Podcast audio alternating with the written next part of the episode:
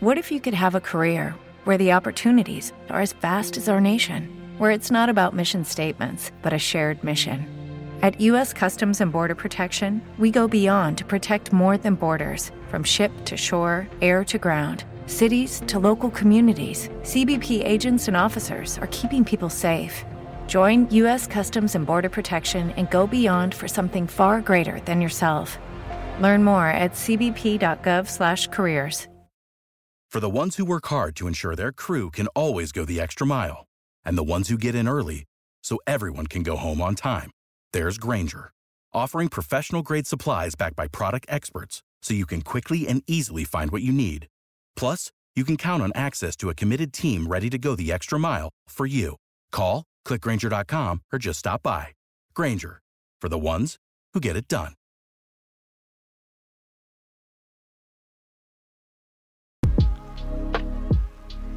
Hər vaxtınız xeyir olsun, Radio Space dinləyiciləri. Hər birinizi xoş gördük. Şeir mənim üçün layihəsində və Musa Yaqub həftəsində sonuncu gündə. Və bu günü necə hiss eləyirsən Xəzər? Sonuncu gündü nəzərə al. Axşamınız xeyir olsun. Mən də hər kəsi salamlayıram. Sual əslində bir balaca düşündürür. Eyni zamanda e, bilmirəm verilişimizə həqiqətən çox bağlıyam, açıq onu etiraf eləyim. Həddindən artıq böyük məhəbbətlə yanaşıram. Müəlliflərə də iki qat məhəbbətimiz olur deyə bu artıq həftədən sağollaşmaq məqamını biraz çətinləşdirir açığı və nəzərə alsaq ki, Musa Yaqubla bu bir həftə çox maraqlı keçdi. Bizim özümüz üçün də yeni şeirlər kəşf etdik, yeni şeirlər səsləndirdik. Ümumilikdə çox belə deyim də istəməzdim, amma növbəti həftə üçün də ümidlərimiz var ki, yenə möhtəşəm bir həftə gözləyir bizi. Daha bir möhtəşəm müəllifin şeirlərini oxuyacağıq, amma hələ ki onun adını demirik kimdir. Verilişin sonunda elan eləyəcəyik təbii ki. Elan eləyərik. Bax, günü-gündən ayrılmağı düşünəndə adam başlayır narahat olmağa və təbii ki, və həm də təəssüf ki, biz bu gün ayrılacağıq Musa Yaqubdan da. Dünənləri bizim efirdən sonra Yaqut xanım Yaqut xanım əlaqə saxladı. Çox gözəl bölüşdü ürək sözlərini və həm Musa Yaqubla bağlı və həm də Nazim Hikmətlə bağlı və həm də özünün Nazim Hikmət sevgisi ilə, sevdası ilə bağlı və bizə təbii ki, yenə də təşəkkürlərini çatdırdı. Biz təşəkkür eləyirik burdan da elə canlı efir vasitəsilə də təşəkkür eləyirik Salam onlara, bəli. Və bu gün nə olsa yaxşıdır ən əsası. Aha. Tamam təsadüf, deməli nəşriyyatların birində mən pillələri qalxanda gördüm bir xanım düşür təsadüfən. Yəni biz salamlaşdıq və məlum oldu ki, xanım Musa Yaqubun nəvəsidir. Adı Çiçək Yaqubzadə belə bir xanımdır. Deməli xanım gətirdi bizim üçün, mənim üçün və sənə də verməyə üçün təbii ki, 2 dənə kitab hədiyyə elədi. Bizim şair Fərid Hüseynin ə, Musa Yaqub haqqında yazdığı Tərəddüdün yaşıdı adında bir kitabdır. İndi oradan da biraz toxunuş eləyərik, bölüşərik. Hə, təşəkkür eləyirik Çiçək xanıma da bu gözəl hədiyyə üçün. Mən də təşəkkür Bəli, bəli. Fəridə də təşəkkür eləyirik ki, həqiqətən belə bir nümunəni ərsəyə gətirib və məncə Xəzər, bax, ş- sən də şairsən, bir yəni sənin bir qolunda, bir yarında şairdir. Şair nə isə yazanda əlbəttə istəyir ki, bu çatsın insanlara informasiya kimi, bədii material kimi və düşün Fərid kimi məsələn bir müəllif də özü də şair olan bir müəllif götürür bunu, başlayır izah eləməyə. Nə gözəldir, yox? Yəni Əlbəttə şeirin şərhi, şairin yanaşmalarının şərhi. Təbii çox əhəmiyyətli bir şeydir bu və Fərid Hüseyn də kifayət qədər Azərbaycan müasir ədəbiyyatında öz çəkisi olan şairlərdəndir. Gənc sayılar, həm də sayılmaz. E, gənc ona görə ki, yaşı e, bir o qədər çox deyil. Gəl sayılar deyək, Sayılar çünki deyək, sayılar əgər ona sayılmaz desək gərək biz də gəncək. Valla gənc. Bəli, bəli, gəncdir. Və Fərid Hüseyn həm də e, ona görə Azərbaycan müasir ədəbiyyatında xüsusi yeri var ki, Azərbaycanı təkcə öz ölkəmiz üçün, öz e, oxucularımız üçün deyil, digər ölkələrdə də kifayət qədər uğurla təmsil eləyir. Onun şeirləri çap olunur, dərc olunur digər ölkələrdə və təbii ki, bu cür istedadlı bir insanın Musa Yaqub yaradıcılığına həsr etdiyi kitab da elə e, onun öz istedadı səviyyəsində olacaq, Bəli, yüksək səviyyədə bəli, olacaq. Həqiqətən maraqlıdır. e, Yaxşıdır. Və yeri gəlmişən nə zamansa Fəridin də, bizim bütün də müasir ədəbiyyatı da nec necəsə biz müraciət eləyəcəyik onlara. E, Əslində haş- çox üzr istəyirəm Kəmal. Biz e, həftə sonu üçün qonaqlar nəzərdə tuturuq. Sadəcə hələ ki Aha. bu müəyyən məsələlərə görə Bəli. alınmır. Fərdi nəzərdə tutmuşduq Aha, ki, qonaq bəli. kimi çağıraq.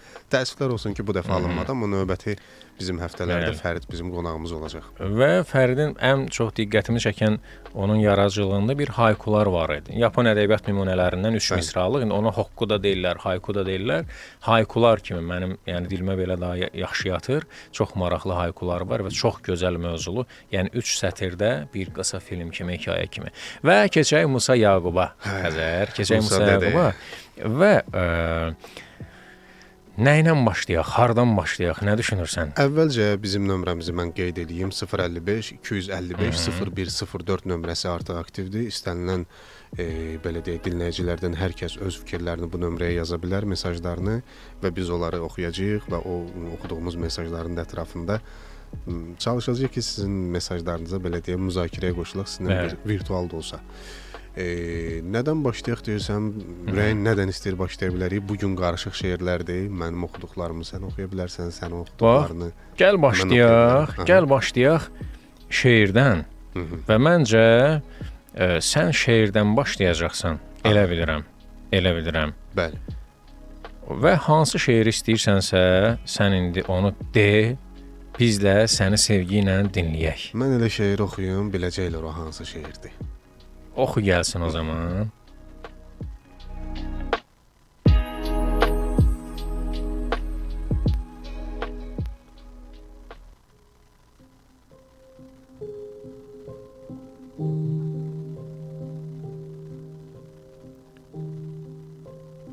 Qapında əyilib suala döndüm. Səndən alacağım cavaba görə.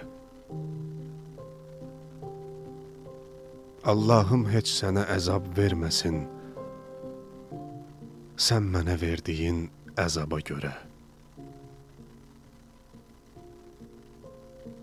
Üzüb hər ümiddən əlimi sənsiz dünyanın gedimi, gəlimi sənsiz.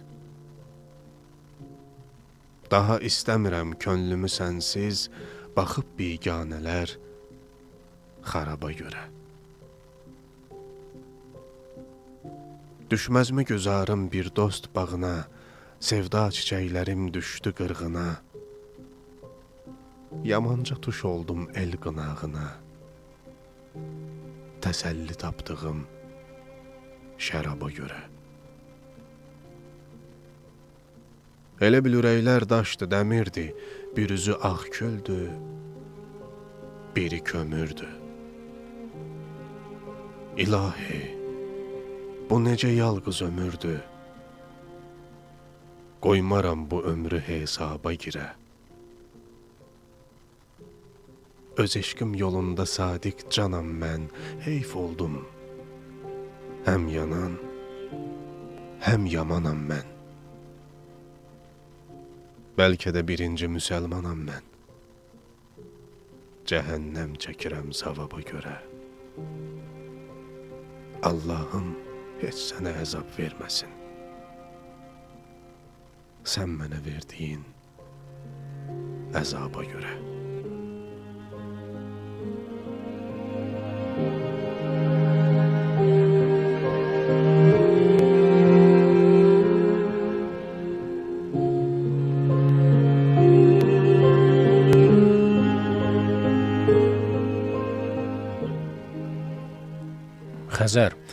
Bax, istəyirəm ki, belə bir şey eləyək. Gör necə düşünürsən. Aha. Sən ki şeiri deyirsən, mənim ürəyimdən sənə təşəkkür eləmək keçir. Mən deyirəm, eyni hiss səndə baş verir. Bəli. Bəlkə belə bir şey eləyək. Bax, Musa Yaqubun belə bir ifadəsi ki var ha, deyirlər. Qızı da dedi ki, onu o cür deyirdi. Musa Yaqub bir şeyə belə bəhbəhləyəndə eşqullah belə bir ifadə deyirdi. Bəlkə bu gündən etibarən onu bir yadigar kimi həm də Musa Yaqubun xatirəsinə həmişə özümüzdə saxlayaq. Əbədiləşdirək. Əbədiləşdirək. Könlümüz belə bəhbəh eləmək istəyəndə bəlkə elə eşqullah belə deyək. Yox. Mən iki əlli razıyam. O zaman mən sənin o dediyin öncəki şeirə bir eşqullah deyirəm. bəli, bəli. Çox Var gözəl var və bu ənənənin əsasını qoymuş sayılırıq bu andan etibarən və hmm, düşünürəm ki, bu ənənə, yəni bu eşqullah sözü bizim dilimizə çox tez-tez gələcək ki, Mütləq. biz yaxşı deyəcəyik, yaxşı eşidəcəyik, yaxşı ifadə eləyəcəyik və bizim dinləyicilərə də onu yaxşı formada ötürə biləcəyik. Çox maraqlı xatirələri var. Yenə həmin o Fəridin, Fərid orada 3 müsahibə eləyib bizə həmin o təqdim olunan kitabda. Hə, mən indi kitabı indi gətirib sənə çıxartmışam deyə sən baxa bilmirsən, üzrü say. Bəli. Amma ara-sıra toxunuşlar eləyəcəm və zaten də sənin də bildiyin e, o indiyə kimi zaten biz Musa Yaqub'u tanıyırıq, oxuyuruq, araşdırırıq. Aşağı-yuxarı bildiyimiz şeylərdir. Amma yenə də gözdən qaçan o dib dəhnədə olan maraqlı şeylər var orada. İndi mən toxunacam ora zamanla. Amma indi istəyirəm istəyirəm ki, Musa Yaqubun şeirlərindən birini ə, səsləndirim bizim Bəli. dinləyicilər üçün və görək bu şeir bizi hara yolçuluğa aparacaq. Aha.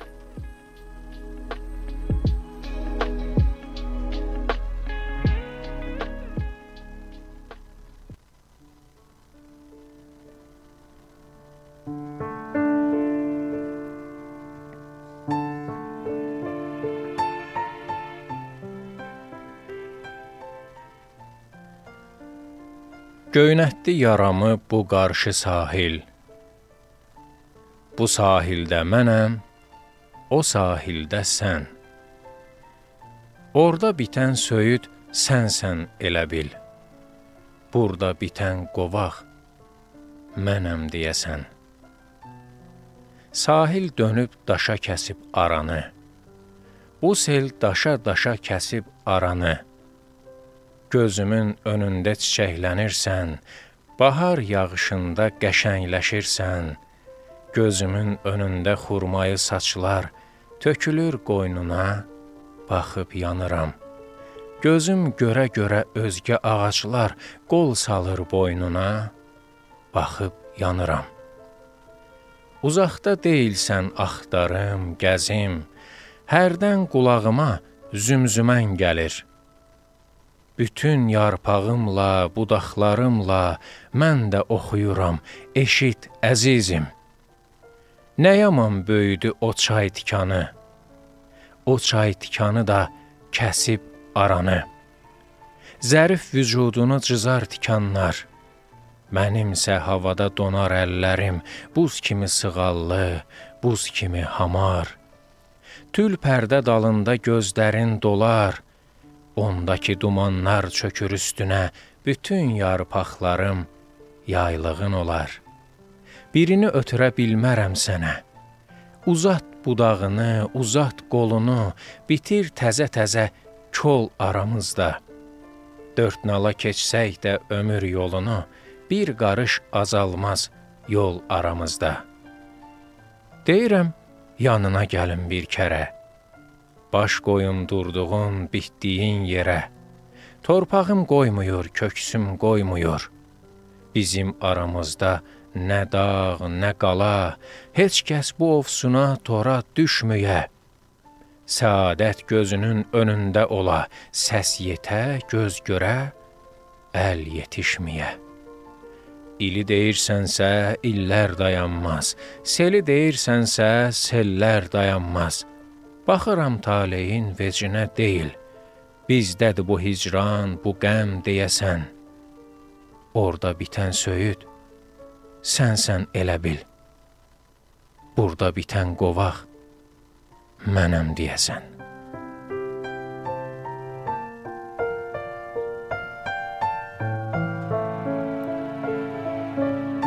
Qovaq və söyüd üzərində qurulmuş bir məhəbbət hekayəsi. Dünən dediyim kimi Kamal bəzən e, Musa Yaqubun elə şeirləri var ki, biz onu əgər görüntüyə çevirsək, rahat şəkildə bunu həqiqətən təqdim eləyə bilərik dünyanın istənilən yerində, istənilən nöqtəsində. Çünki təbiətin dili var, təbiətin əsrarəngiz ifadəsi var. Bax bu şeirdə inanırsan ən başdan sona qədər o qədər gözəl bir mənzərə canlanır ki, insanın gözü qarşısında. Qovaqla söyüdün üz-üzə dayanıb və aradan keçən çay deyir başqa ağaclar sənin Bəli. Qol boyun olursan. O, mən də baxıb, yanıram. Çox möhtəşəmdir.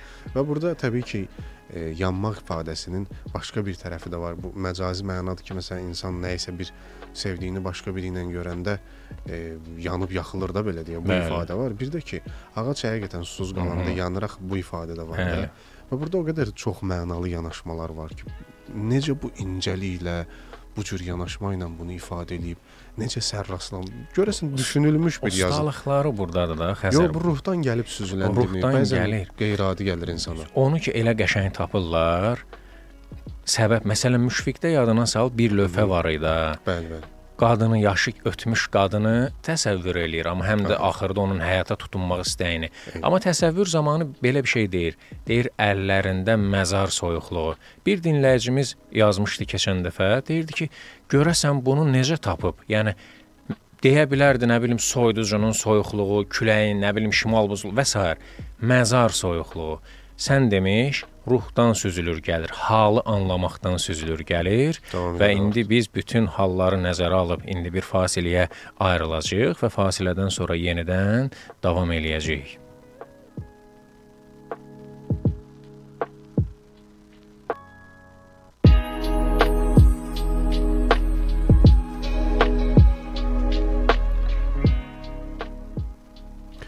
Bir daha salamlayırıq. Axşamınız xeyir olsun. Yeni qoşulanları da ürək dolusu sevgi ilə salamlayırıq və ümid edirik ki, hər şey yolundadır, hər şey bizim sizə ötürdüyümüz o enerji ilə davam eləyir və dinləyicilərdən gələn mesajlarımız bəli. var. Kamal icazənlə bir nömrə istəyərdim.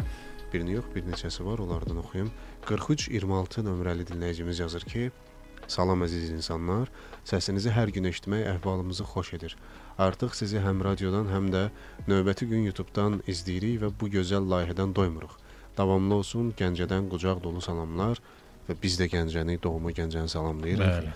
Sevə-sevə. Hə, Kam Kamal yəqin xüsusi salamlayacaq. 85 85 89 nömrəli dinləyici yazır ki, axşamınız xeyir. Təşəkkür edirəm sizə sevimli şairimizi Musa dədəmizi yaz et, yad etdiyiniz üçün. Onun şeirlərini bir də sizin dilinizdən eşitmək çox xoş oldu. Bizə də nəfəsinizə sağlıq. Təşəkkür edirik. Bir şey deyim sənə. Aha dilin dolaşdı yaz dedin ha. Və biz həm də Musa dədəni yaz elədi indi. Yox, düz demirəm. təbii, təbii. Yaz olmadı, çiçəklənmədi. hə, Xəzər. Doğru, doğru. Bir həftə ərzində ki, biz axı inanırıq onun bizi görür, şairin ruhu ölmür. Təbii. Və indi onun üçün həm də yaz oldu. Bəli, Yox, təbii. baxmayaraq ki, burada qışdır. Mütləq, mütləq. Və burada nə deyirlər? Eşqullah deyirlər Musa babanın dediyini. Və Xəzər. Ə, hardan başlayaq? Qəbilən belə bir müqəddimə eləyək. Müqəddimə olsun ya indi ya, Dedin ha bayaq ki, yolda bizi dinləyənlərə bir salam olsun, sevgi olsun, bizi müxtəlif vəziyyətdə dinləyirək. Yolda, izdə, işdə, bəlkə bir qarol çəkir və yol gedir, səfərdədir və s. Və insanlar gərək bir şey unutmasınlar. Musa Yaqubun sözüdür bu. Deyir ki, dünyanın ömrü eşqin ömrü qədərdir. Vəssalam. Nə qədər var eşq, dünya var. Eşq bitdi, dünya bitdi. Vəssalam. Biz ona görə bütün bizi dinləyənlərə eşq arzulayırıq və yenə də Musa Yaqubun dediyi kimi təkcə eşq deyəndə qarşı cinsdən getmir. Canlını da, cansızı da, nə bilim pişiyi də, atı da, ağacı da və s. və s. Və Musa Yaqubun 80 illiyində Vaqif Bəhmənli ona bir şeir yazır. Bəli. Mən istəyirəm ki, onun dilindən Musa dədiyə yazılmış, həm də dədənin bir vəsifi var orada. O şeiri indi təqdim eləyim icazənlə. Buyur, buyur. Böyük sevgi ilə.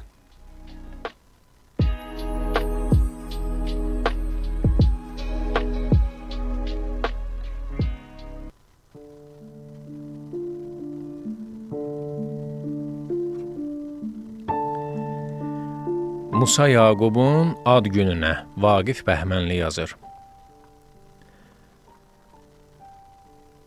Sözünə yaraşan nəyim var ustad? Durub ad gününə əli boş gəldim. Ya yapış kötəkdən yaxşıca istat, ya da öp alnımdan denən xoş gəldin. Təzə tər sözünün içdim yağını. Soruşma böyüdün ay yetim necə? Bəs indi içi boş dağarcığımı dolu çuvalına tay edim necə?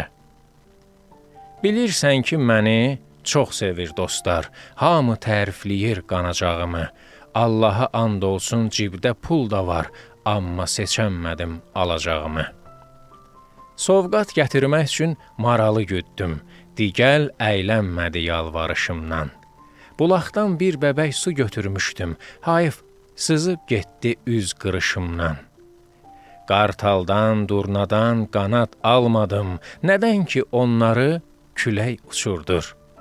Qanat yandırandı şairin odu. Şairi qanat yox, ürək uçurdur. Müştəri gözü ilə baxdım dağa da, ustad ona qiymət qoyubdu dedim. Zəng açıb özündən soruşmağa da hünər eləmədim, ayıbdı dedim. Kəlmi gətirəydim. Dardı çayxana. Şah palıd yerləşən iş yeri yoxdur. Arılar sancılıb güllü yaxana, medallar sancmağa boş yerin yoxdur. Alıb gətirərdim olsa neçiyə, niyə gül almadım? Burada yox ki sir. Sözə güllər vuran solan çiçəyi, sözü çiçək açan gülü neyniyir? Sözü çiçək açan gülü neyniyir?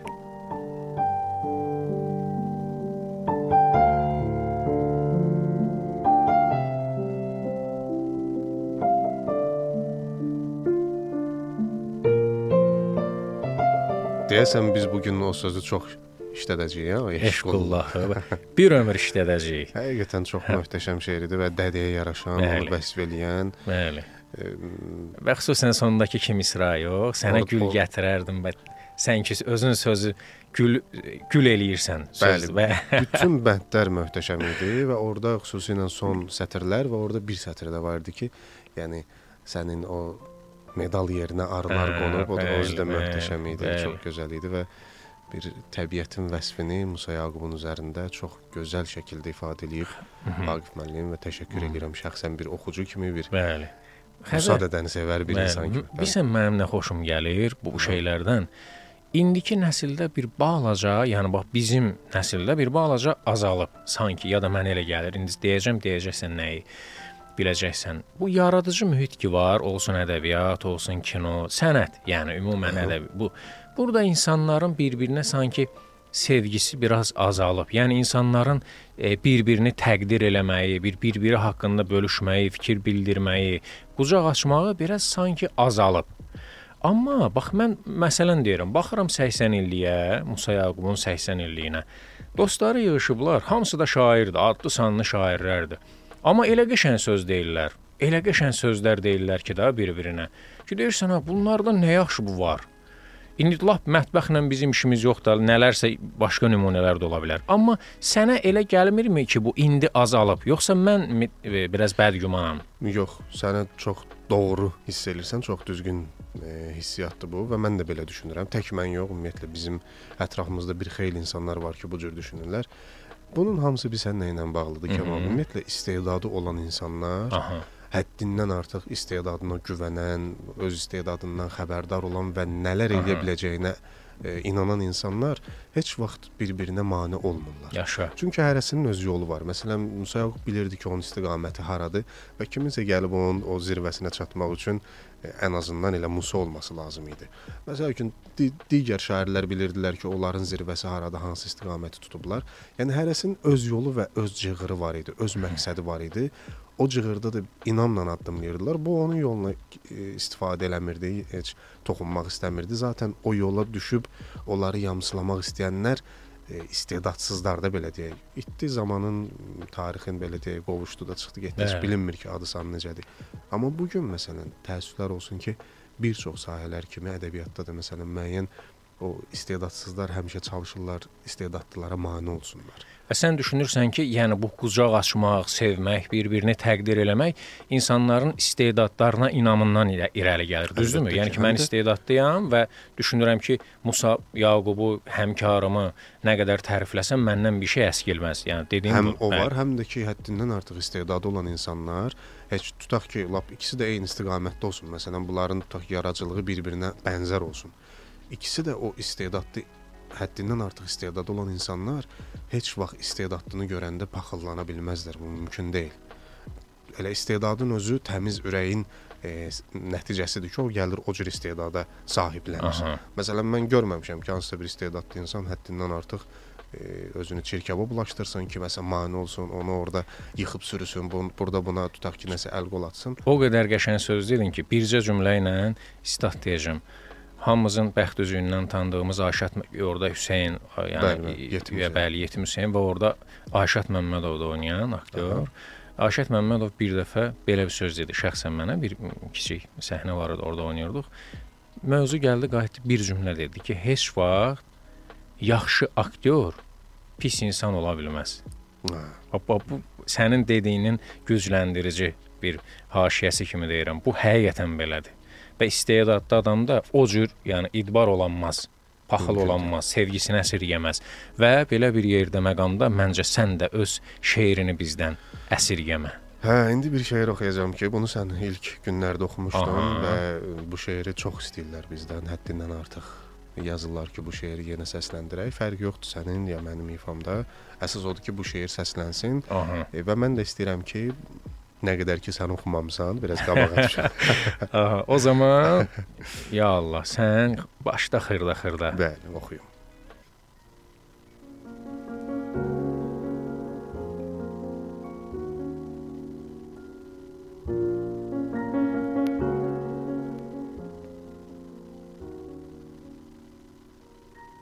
Taleyin qisməti rast saldı bizi.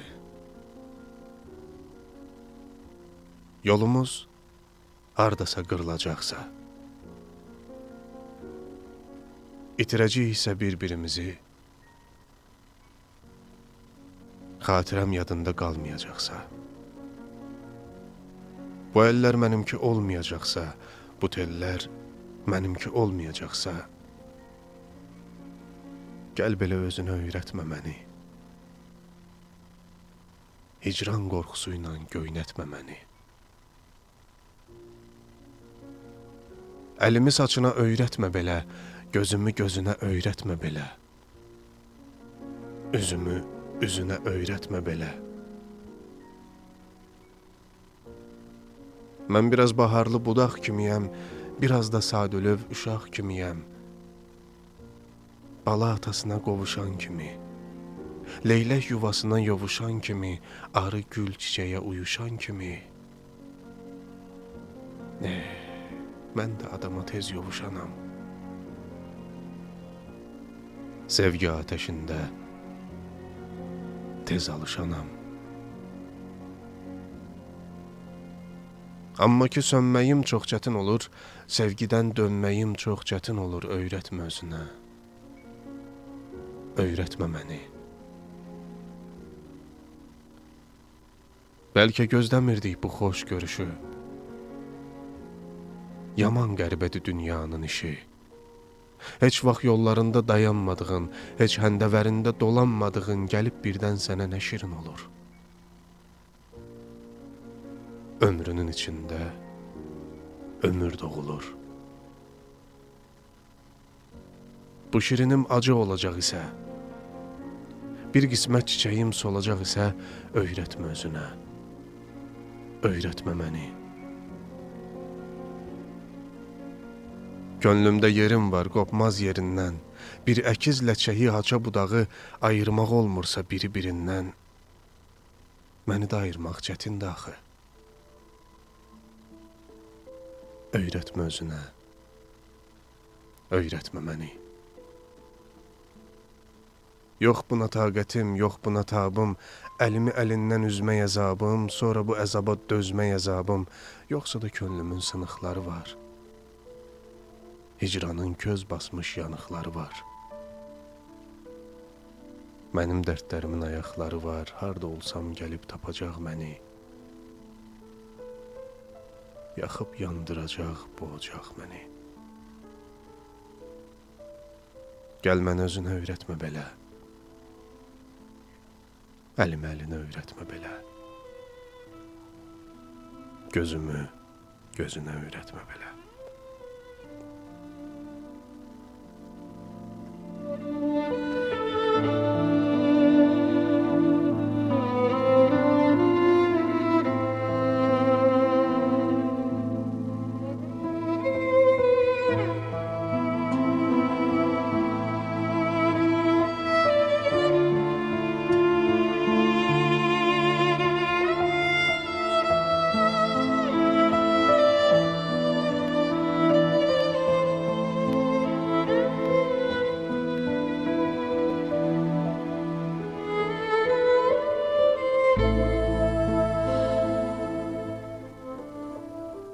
Xəzər təşəkkür Eşqullah Həqiqətən qəşəng şeirdir bu. Çox qəşəng şeirdir və sən də onu qəşəng çatdırdın bizə.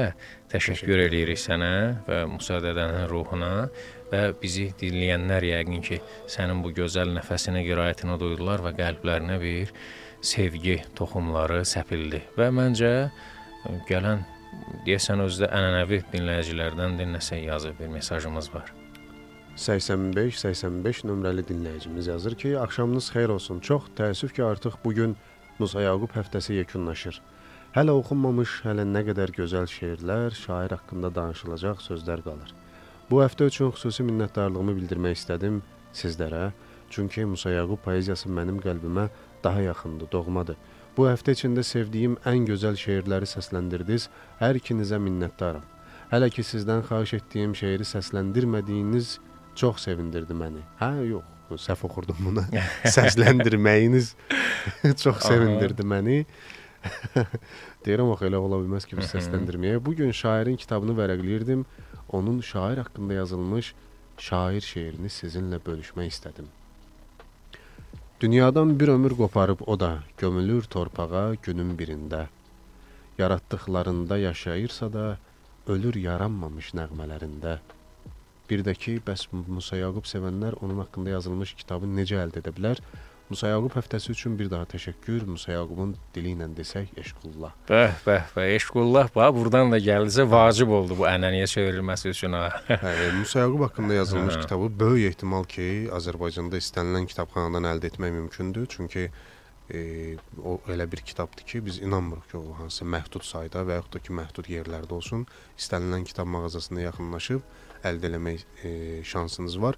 Əgər kimsə çətinlik çəkərsə, düşünürəm ki, biraz internetdə axtarış eləyib ən azından Bəli, məncə də rahatlıqla tapmaq rahatlıqla olar. yəni. tapa bilər ki, hansı yerdən, hansı mağazadan əldə edə bilər. E, dinləyicimizin yazdığını oxuyaq yoxsa saxlayaq sonraya? İstəyirsən Şeirdən sonraya saxlayaq. şeirdən sonraya. Aha. İki qısa şeir oxuyacağam yanaşı. Deməli dinləyici şair ömrünə diqqət çəkdi də. Musa Yaqubun otağında kimin şəkli olsa yaxşıdır? Hansı şairin? Rus şair.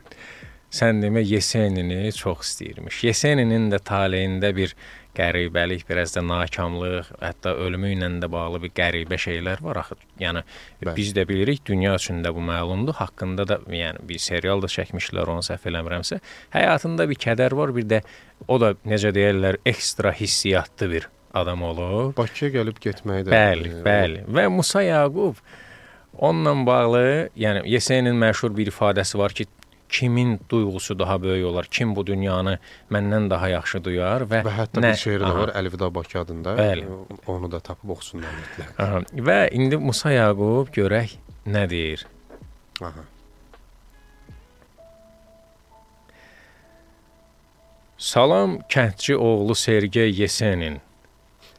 Bax, elə bu saat, elə bu saat mənim tək kim olar duyanın sənin?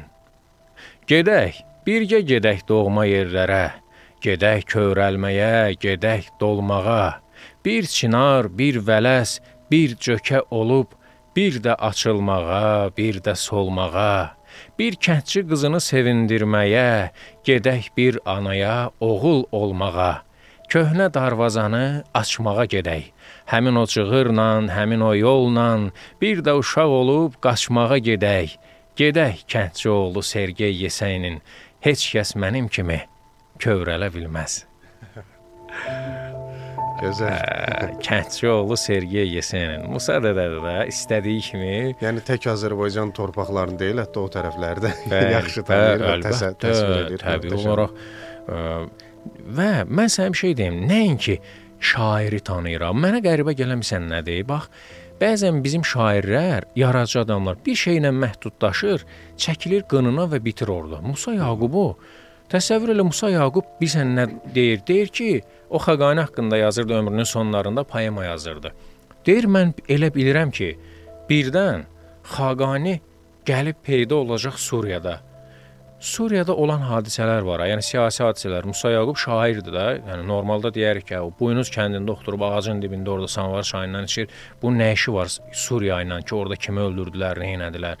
Amma Suriyada olan o qırğınlar oldu, yəni müharibələr, viran oldu şəhər. Onun ona belə ürəyi yanırdı. Yəni adam nəinki ədəbiyyatı düşünürdü. Dünyanın hər yerində olan bu şeyləri, ağrını, acını, kədəri düşünürdü əslində elə Nazim Hikmətin ölümünü də vəsf eləyəndə necə deyirlər, orada da deyirdi ki, ürəyinə minlərlə insanın qəmi yığılan, dar, daşan, aşan Nazim. Özü də elə idi. Özü də elə dünyanın dərdini özü ilə daşıyırdı. Bəli, tamamilə doğrudur. Və amma bu kədərli məqamın üstündən sonra Xəzər, sən əgər deyəcəyin varsa, ə, məncə dinləyicimizin mesajını əgər istəsən oxuyaq, oxuyaq. Oxuyaq. Çox qısa nümunəni Yaqut xanımın xatirəsini bölüşəcəm indi. Həmin 34 79 34 79 nömrəli dinləyicimiz deyir ki, ə, hər vaxtınız xeyir Kamal və Xəzər bəy. Musa Yaqub həftəsinin son günündə bir tərəfdən qəlbim şeirləri ilə ləzzət alır, digər tərəfdən isə həftə bitdiyinə görə üzülürəm, amma Musa Yaqub hər sevənin qəlbində əbədi yurd salıb, biz onu hər an yad edir, hər an şeirləri ilə qəlbimizi, ruhumuzu şad edirik, edəcəyik də. Əla, əla şu, nə gözəl, nə Biz gözəl. də biz də sizinlə bərabər bəli, dedik. bəli və bu yol bizi yaxşı-yaxşı yerlərə aparacaq deyə ümid eləyirik və mən istəyirəm ki, Xəzər və həmin o dediyim şeiri deyim. Yaqut xanımın xatirəsi bu da. Yaqut xanım deməli gəncliyini xatırlayır, deyir tələbə idik Bakıda və o zaman günlərin birində deyir mən də yemək bişirmişəm, yağını biraz çox eləmişəm. Tə, nə bilim, ortalıqda bəzi şeylər və qohumlarından bir xanım da bunlarda qalır və təsadüfən deyir, dədə gəldi, atam deyir, gəldi bizə, yolu bizdən keçdi, gəldi baş çəkməyə. Və deyir, mən də dərsdə idim. Evə qayıtdım, gör, gördüm gedib. Amma stolun üstündə deyir mənim göz qələmimlə götürüb bir şeir yazıb. O şeir nədir indi mən onu oxuyacağam. Ətraflı təsvir orada var.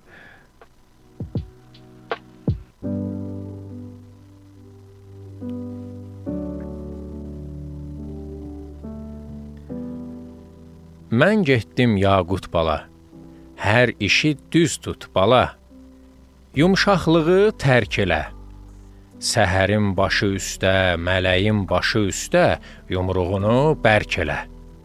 Səhər səni toğlayıb xoş dilə bağlamasın. Qab-qacağı yumağı sonraya saxlamasın. O yusun qaşıqları, səndəki qoymayansın boş yerə işıqları. Qənaətcil ol biraz, isrif elə, yığ bala. Bir çolpuya bir kilo yağ işlətməzlər bala. Çayım qaldı yarımçıq. Ora bura çapmadım. Nə evdi saxlayırsınız? Bir dişdən qənd tapmadım. Bu şeirimə mat qalın, getdim, salamat qalın.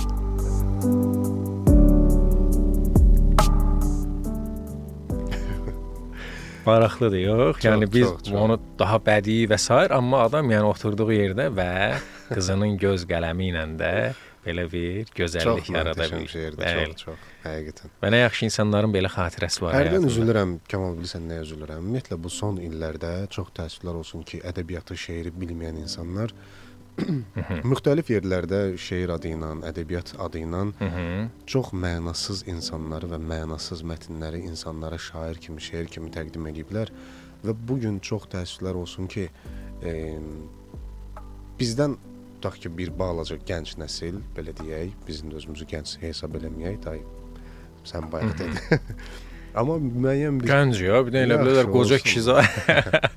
Ha, gənc, yəni də hər halda, amma bir, təsnifat var yaşa görə. Yəni biz 30-u haxlamışıq deyə deyirəm, birdən kimsə deyir ki, sənətlə gənc deyilsiz filan, ona görə deyirəm. və bu gün istənilən Amma Vüqar bizim yəni Vüqar dəqiq gəncdir. Yəni təsnifata görə gəncdir, yox. Yəni 30-un altındadır yaş olaraq, o rahatlıqla. Hə, bu gün yəni o m, təəssüflər olsun ki, bəzi insanlar var ki, artıq onlar kütlədilər və böyük bir e, kütlədən ibarətdilər belə deyək. Onlar şeiri və şairi düzgün tanımırlar. Çox təəssüflər olsun. E, onlar bilmir şeir nədir, şair kimdir. Və onlar elə insanlara şair, elə şeylərə şeir deyir ki, e, düşünürəm ki, bu Azərbaycan ədəbiyyatı üçün gələcək illərdə hansısa bir çətinlik. Əslində bəlkə də heç ola, ədəbiyyatımızın o insanlara heç ehtiyacı da yoxdur, o cür oxucuların olub olmamağını. Sadəcə biz istəyərdik ki, onlara doğru düzgün şeiri elə tərzdə təqdim eləyək ki, onlar bilsinlər əslində şair kimdir, şeir nədir və bu mənada onlar Musa Yaqubu da və bizim digər müəllifləri də dərindən oxumalıdılar, dərindən analiz etməlidirlər. Ən azından bilməlidirlər ki, bu şairlərin yaradıcılığı nədən ibarətdir. Elə mən getdim, sən gəldin, səndən sonra ağladım, nə bilim sən yoxsan, həyat dağıldı. Bu tip Bəli. şeylər ə, şeir Yəni bir deyil alt mətn yoxdur, fon Bəli, təbii yoxdur, hissiyyat yoxdur. Zahiri sadəcə informasiya sən demiş biz keçən və bunu bölüşdük. Yəni sadəcə info mə məlumatdır. Öz həyat Ona haqqında bir yükü informasiya yoxdur, paylaşır, ona şeir deyirlər. Təbii Bəli. ki, bu şeir deyil. Şeirin bir bədii ifadə tərzi olmalıdır, poetik kəşflər olmalıdır. Oradan o desinlər, "Ha, bu əvvəldən görülməmişdi." bu Xəzər. fikir. Aha. Xəzər qağa. Reklam Bax bu vaxtı. reklam öz yerində, reklamın da vaxtıdır. Həm gəl bu vaxtın az olan vaxtında yaxşı nümunələri qoyub belə naqolay nümunələrdən danışmır. Onları heç vaxt da sərf eləməyin. Necə deyirsən? Olsun. Mən düşünürəm ki, düşünürəm ki, reklamlara yavaş-yavaş keçid alaq. Ondan sonra da başlayaq verilişin ardını. Bəli, bəli, bəli, bəli.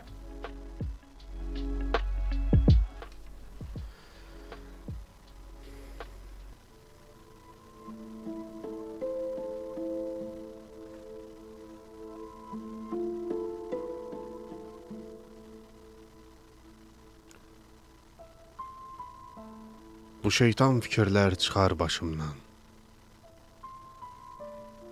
Könlüm bu əzabı çəksin nə qədər.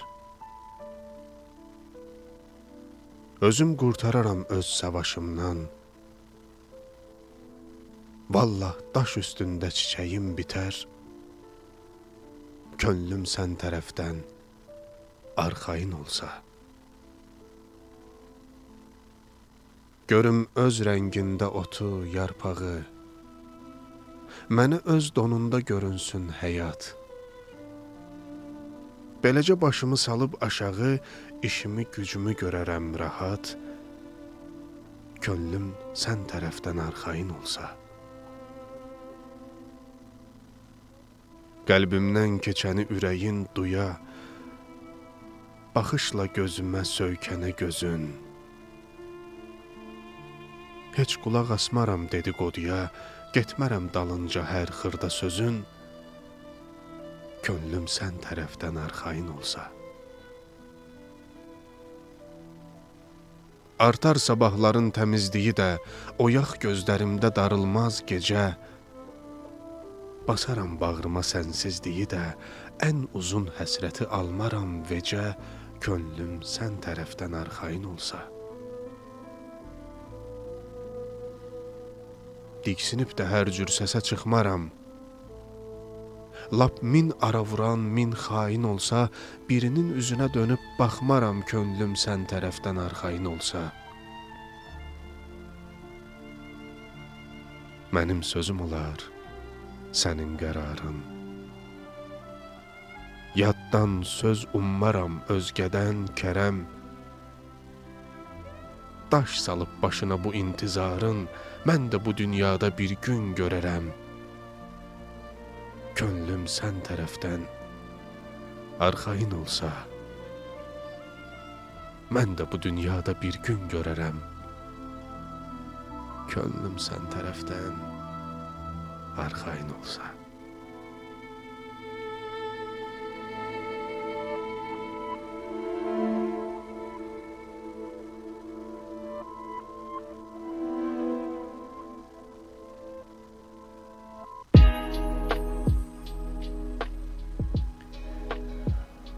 Təşəkkür. Yaxud Eşqullah. Çox sağ ol Xəzər. Və saatın ki sonuna yaxınlaşırıq. Mən istəyirəm heç vaxt itirmədən Musa Yaqubun bax bu Fəridin tərtib elədiyi bu kitabda bir şeiri var. Bax o şeiri deyim. Amma öncə bəli sən gələn mesajları oxu. gələn bəli, bəli, bəli. 78 58 nömrəli dinləyicimiz deyir ki, ə, şeir mənim üçün ruha qidadır. Hər halımda hayrı zövq alıram. Özüm deyəndə çox ləzzət alıram. Çünki şeir dedikcə canlandıra bilirəm və o yerdə yaşayıram. Eşq olsun sizlərə. Sizə də eşq olsun. 74 78 nömrəli dinləyicimiz də deyir ki, Gözəl bir həftədə, gözəl bir həftə də sona çatır. Tək kəlmə ilə möhtəşəm eşqulla, var olun eşqulla. Bəli. Və indi görək Musa Yaqub nə deyir. Aha.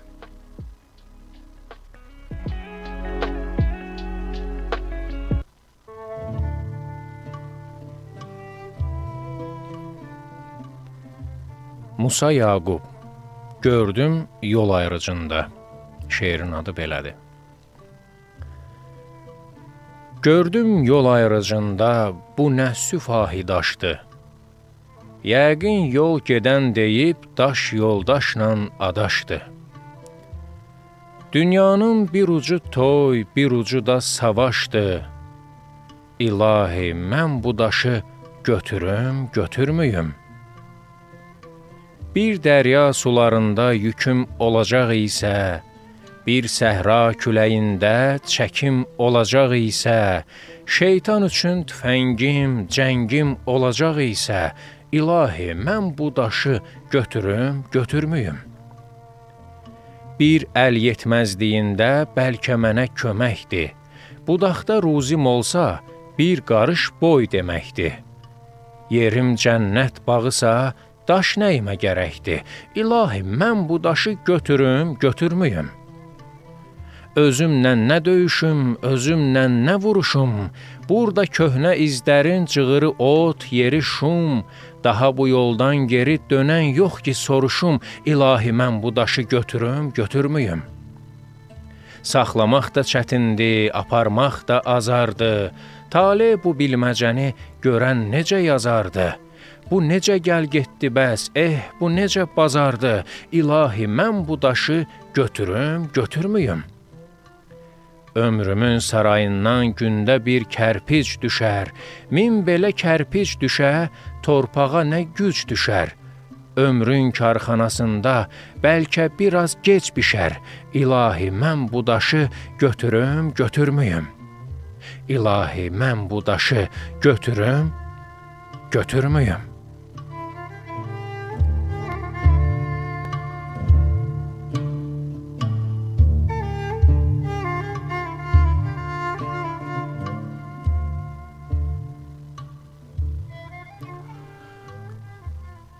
Kamal biz növbəti həftəni elan eləyək. Kimin hansı müəllif həsr olundu onu yoxsa sonda deyək? Neçə dəqiqə vaxt Əgər söz təxmini? dilə gəlibsə, varsa, dilə aha. gəlibsə deməli ürəyə də gəlib və deməli elan olunmalıdır. Növbəti həftəmiz sevgi həftəsidir və kimdir Kamal? Və bu Nüsrət Kəsəmənlidir və bu an məncə onun adını eşidən, gözləyən çoxlu adamlar var və çoxları üçün sürpriz olacaq və sevgi şeirləri deyəndə o da yada düşür, ən məşhur şeirləri də, bilinməyən, gizlində qalan şeirləri də və biz ümid eləyək ki, onları tapıb deyəcəyik. Amma gözəl bir həftə ilə müjdələsək də indi içində olduğumuz gözəllikdən ayrılmağın da bir ağrısı var. Musa Yaqubdan ayrılmağın ağrısı var. Mən istəyirəm bu dəfə elə Yaqut xanımın göndərdiyi mesajla sağollaşaq. Bəli. Və gec olmadan başda onu. Onda sən o sehr söz, sehrli sözlərimizi de. Şeir mənim üçün, şeir bizim üçün, şeir hamı üçün.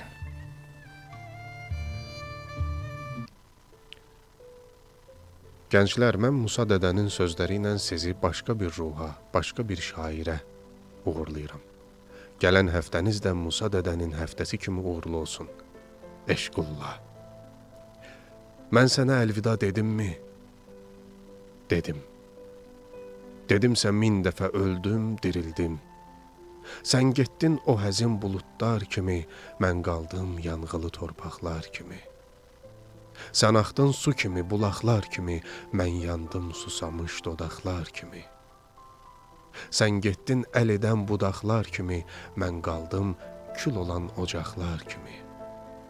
İstədim könlümü bir də ovudum, sinəmi dağlaya-dağlaya qaldım. Gəncliyim gəlmişdi Qovdum. Dalınca ağlaya-ağlaya qaldım.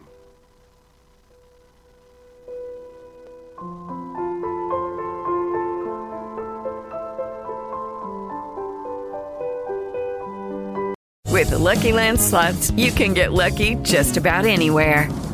This is your captain speaking. Uh, we've got clear runway and the weather's fine, but we're just going to circle up here a while and uh, get lucky. No, no, nothing like that. It's just these cash prizes add up quick. So I suggest you sit back, keep your tray table upright, and start getting lucky.